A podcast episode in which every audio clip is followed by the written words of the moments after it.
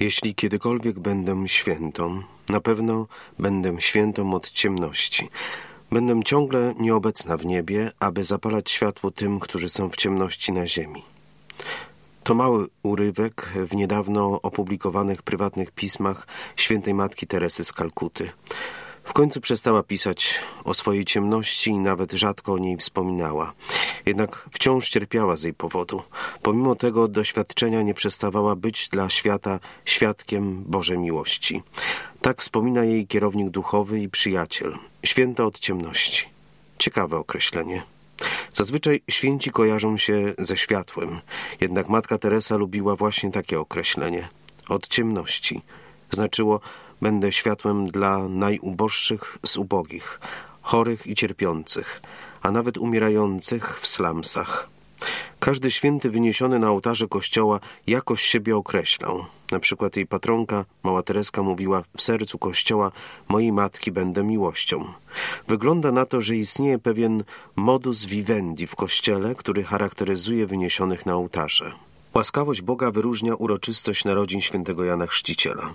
Święty, który o sobie powiedział ja jestem głosem wołającym na pustyni. Ten głos to oczywiście Jan Chrzciciel. Zapowiedź jego narodzin słyszymy w Izajoszowym proroctwie powołania sługi Jahwe. Otrzymuje on od tego, który go ukształtował, najważniejsze zadanie bycie światłem.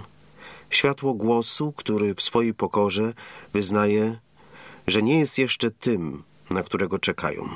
Więc kim jesteś, Janie Chrzcicielu? Jestem połączeniem starego i nowego. Jestem głosem przeszłości i zarazem przyszłości.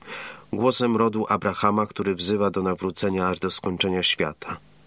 Co oznacza Twoje imię, które jest tak ważne, że sam anioł się o nie upomniał? Johanan oznacza Jachwe jest łaskaw. Tak.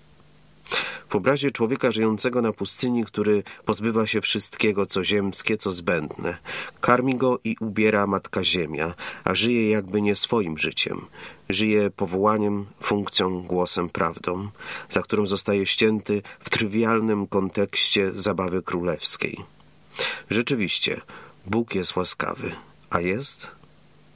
Jest. Święty Augustyn zauważył pewien fakt – Kościół nie czci narodzin cielesnych żadnego z patriarchów, żadnego z apostołów, tylko dwóch czci narodziny świętego Jana oraz Chrystusa. To moment, w którym Bóg wyznacza linię demarkacyjną pomiędzy tym, co zostało zepsute przez ludzką pychę, a tym, co on naprawia. Jego łaskawość, wpisana w życiorys Jana Chrzciciela, a dokładnie w łaskę jego narodzin, rozpoczyna czas uzdrawiania, a nam pomaga zrozumieć, że zawsze mamy szansę, a dokładnie łaskę przemiany naszego życia. Chodzi o to, by niejako narodzić się na nowo. Ta sama próba spotyka w niedalekiej przyszłości Nikodema, który usłyszy to z ust Jezusa. Co znaczy na nowo? Mając w pamięci przeszłość i jej konsekwencje, postarać się o mądrą, lepszą przyszłość lub, jak to mówimy potocznie, lepsze życie. Właśnie niedawno Kościół wyniósł do chwały ołtarzy błogosławionym siostrę Leonellem z Gorbati, Włoszkę pracującą w Kenii i Somalii. Oprócz normalnej pracy pielęgniarki kształciła wyspecjalizowaną kadrę medyczną. Zginęła z rąk ekstremistów muzułmańskich w 2006 roku. Yad Abed to dziesięcioletni syryjski chłopiec mieszkający w Aleppo w Syrii. Jest w piątej klasie. Zastanawia się nad swoim życiem w Syrii, gdzie trwa ból i cierpienie.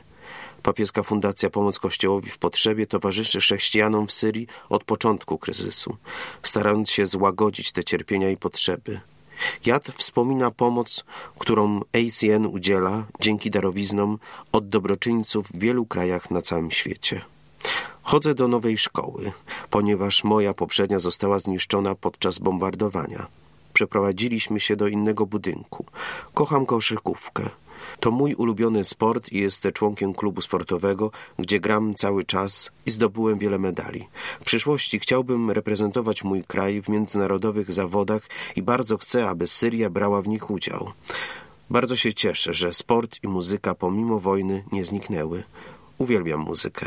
Myślę, że źli ludzie nie śpiewają. Mam dwóch starszych braci, którzy wyjechali za granicę jako pierwsi imigranci.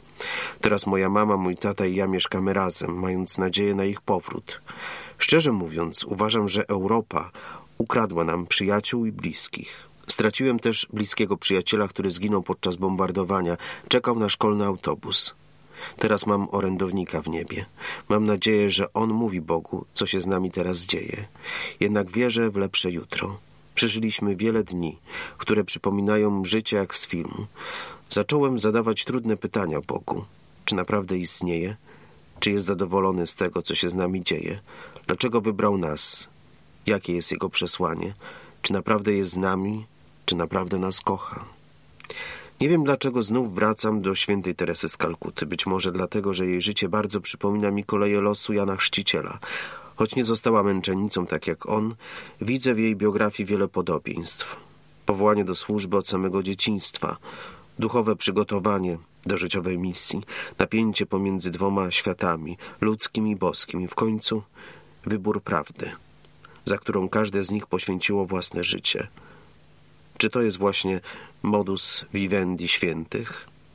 Tego ludzka logika nie ogarnie, podobnie jak nie wiemy, kim będzie narodzone dziecko. Bóg to wie. Wystarczy.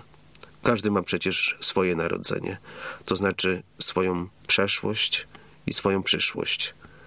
A Jan Chrzciciel, Matka Teresa czy Mały Syryjczyk pomagają nam tylko to zrozumieć.